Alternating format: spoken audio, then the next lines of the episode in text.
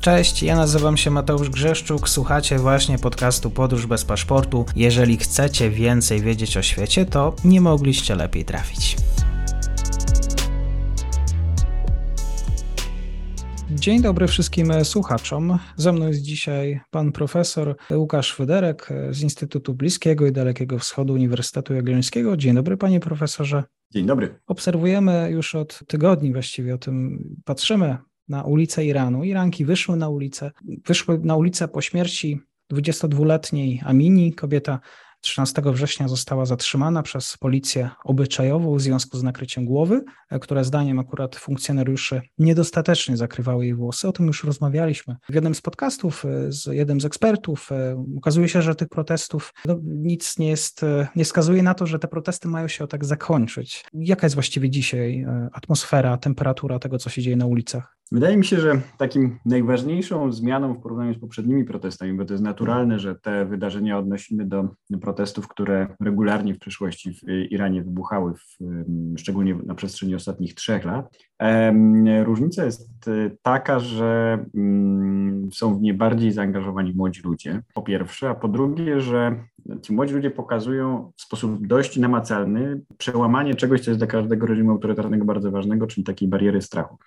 No bo e, spoglądając na sytuację jakby z, perspektywy takiej, te, którą stosujemy w podejściach e, teorii gier do równowagi reżim-społeczeństwo, e, no to reżim jest zawsze znacznie mniej liczny niż cała grupa społeczna, ale rządzi dzięki czemu? Dzięki temu, że jest lepiej zorganizowany i że jest w stanie projektować, czy też propagandowo utrwalać obraz wszechpotężny, tak? swojej wszechmocy tajnej policji. No, w każdym reżimie to wygląda inaczej. W przypadku mm, reżimu irańskiego są to, są to e, oczywiście przede wszystkim struktury związane z Korpusem Strażników Rewolucji Islamskiej, ale także z, e, z Korpusem Basij, czyli taką organizacją paramilitarną, przenikający rzeczywiście każdy właściwie aspekt życia e, Irańczyków. I teraz to, co się wydarzyło, uważam za bezprecedensowe, ponieważ ten symbol fizycznie widoczny, prawda, dla każdego, czyli hijab czy czador w bardziej z rozbudowanej irańskiej wersji, jest zrzucany, jest zdejmowany przez Iranki,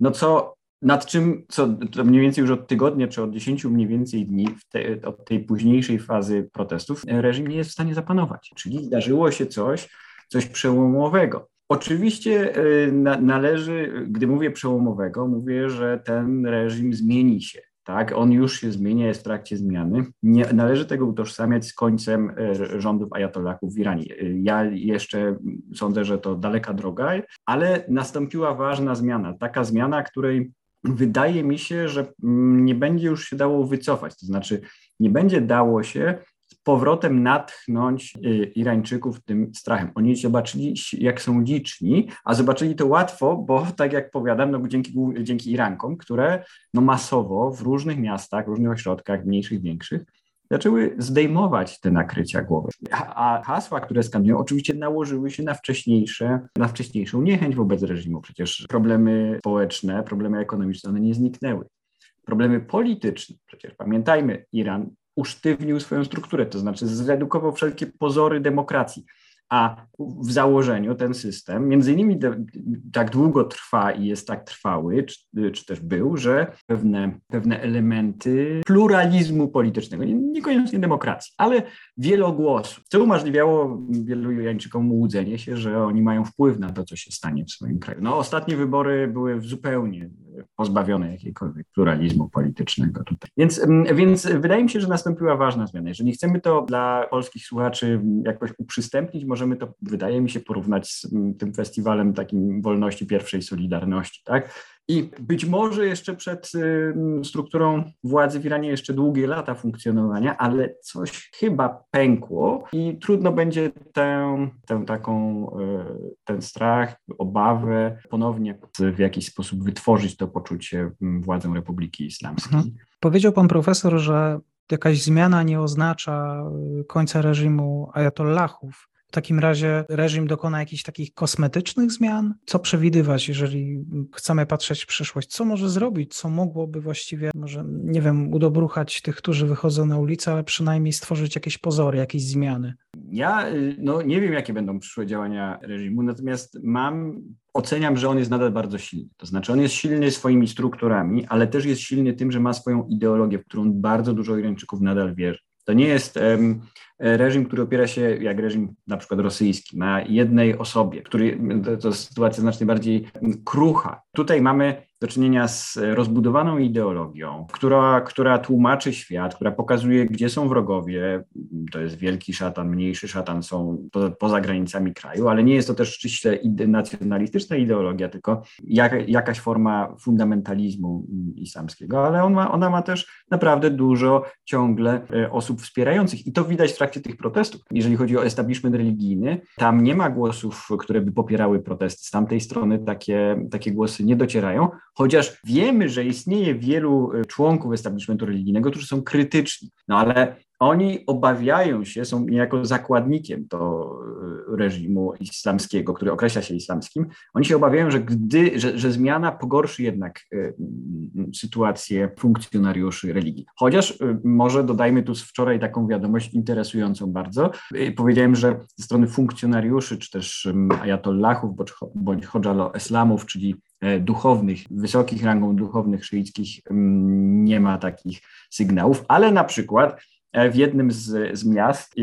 kobiety konserwatywne, Chadori, one zaczęły protestować razem z tymi kobietami, które zdejmują hijaby, mówiąc, my, nie, nie, my chcemy, my uważamy, że religia jest ważna, my chcemy nosić, zachować nasze czadory, ale protestujemy razem z wami, bo nie podoba nam się y, sposób, w jaki władza y, w, w Republiki Islamskiej realizuje, y, czy też no, działa w ostatnich, ostatnich latach. Więc to są, to są takie sygnały mm, takiej bardzo, bardzo interesującej zmiany, w, pokazującej na tą, mówiąc takim suchym, może troszkę żargonem technicznym, na zdolność taką budowania koalicji w E, społecznej, tak? Pomiędzy, międzyklasowej, międzygeneracyjnej, e, ale także międzyregionalnej, bo pamiętajmy, że te mm, protesty zachodzą właściwie, toczą się właściwie na całym terytorium Iranu, choć ich matecznikiem był irański Kurdystan. Jak właściwie przez ostatnie lata, y, czy, czy, pojawiły się takie, nazwijmy to szczeliny, gdzie ten powiew, nazwijmy to wolności, w jakiś sposób towarzyszył Iranczykom, Irankom, no bo przecież jeżeli wychodzą na ulicę, to muszą wiedzieć, że jest jakiś ten inny świat. Pytanie, jaką też rolę media odgrywają tutaj media, media społecznościowe. Wspomniałem, że te ostatnie wybory zmieniły równowagę. Do tej pory Iran był, no, struktura władzy w Iranie, bardzo krótkie wprowadzenie, jest strukturą, która opiera się na dwóch filarach. Filarze, który jest niewybierany, to znaczy filarze najwyższego przywódcy, który reprezentować ma w założeniu doktryny samego Boga na ziemi, filarze demokratyczne, tak? filarze, który mamy e, parlament, mamy prezydenta, zarówno parlament, jak i prezydent są wybierani w wyborach powszechnych. I o ile najwyższy przywódca od 1989 roku jest ten sam, to jest e, Ali Khamenei, to jest dopiero drugi najwyższy przywódca Republiki Islamskiej, Pierwszym był założyciel i, i, i, i twórca koncepcji tego ustroju, Ayatollah Ruhollah Khomeini. Więc ten, pion się w miarę nie zmienia, ale po stronie tego obieralnego demokratycznie mieliśmy przecież prezydentów tak zwanych obozu reformistycznego. Mamy, mieliśmy do niedawna nie, nieco większy zakres swobody prasy i E, głosy intelektualistów z obozu reformistów dochodziły. Tak? E, największe otwarcie Irańczyków to lata 90. W, w toku trwania oczywiście tego, tego systemu władzy, to lata 90. rządy prezydenta e, Hatamiego. Wtedy nastąpiło poluzowanie całego szeregu zarówno obyczajowych, jak i takich politycznych, politycznych ograniczeń.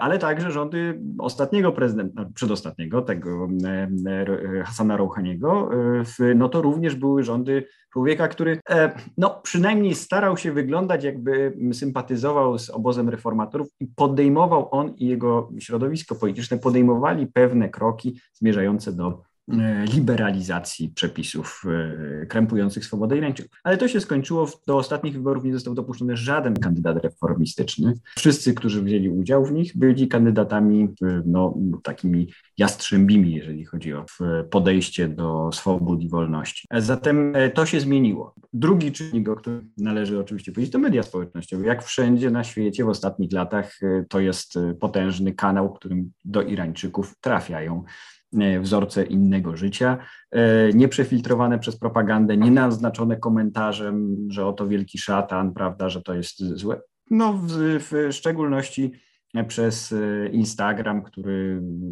momentami bywa blokowany, ale jest niezmiernie popularny wśród wśród, był może nieco bardziej, po, po, po tym jak reżim postanowił się z nim rozprawić, trochę trudniej się zaczęło z, z, z, z niego korzystać, ale no ale te oczywiście obrazy lifestyle'owe, prawda, związane z, z, z, tym, co konsumują młodzi ludzie na całym świecie, no ale bardzo mocno jednak też wpłynęły na to, jak postrzegają Irańczycy kwestie wolności, w tym takiej najbardziej fizycznie wy, wyczuwalnej wolności, czyli wolności do ubrania się czy do wyrażenia swojej indywidualności przez to, jak się ubierają Uczennice szkół średnich to kolejna grupa, która otwarcie przyłączyła się w trakcie ostatnich dni do masowych protestów przeciwko władzom Republiki Islamskiej. Dzisiaj na temat tego, co się właściwie dzieje nie tylko na ulicach Teheranu, profesor Łukasz Federek, bardzo dziękuję. Dziękuję również. I to już koniec na dzisiaj. Zapraszam na profil podcastu Podróż bez paszportu na Facebooku, Instagramie i Twitterze. Zachęcam też do wsparcia mojej pracy na serwisie Patronite oraz Buy Coffee. Do usłyszenia.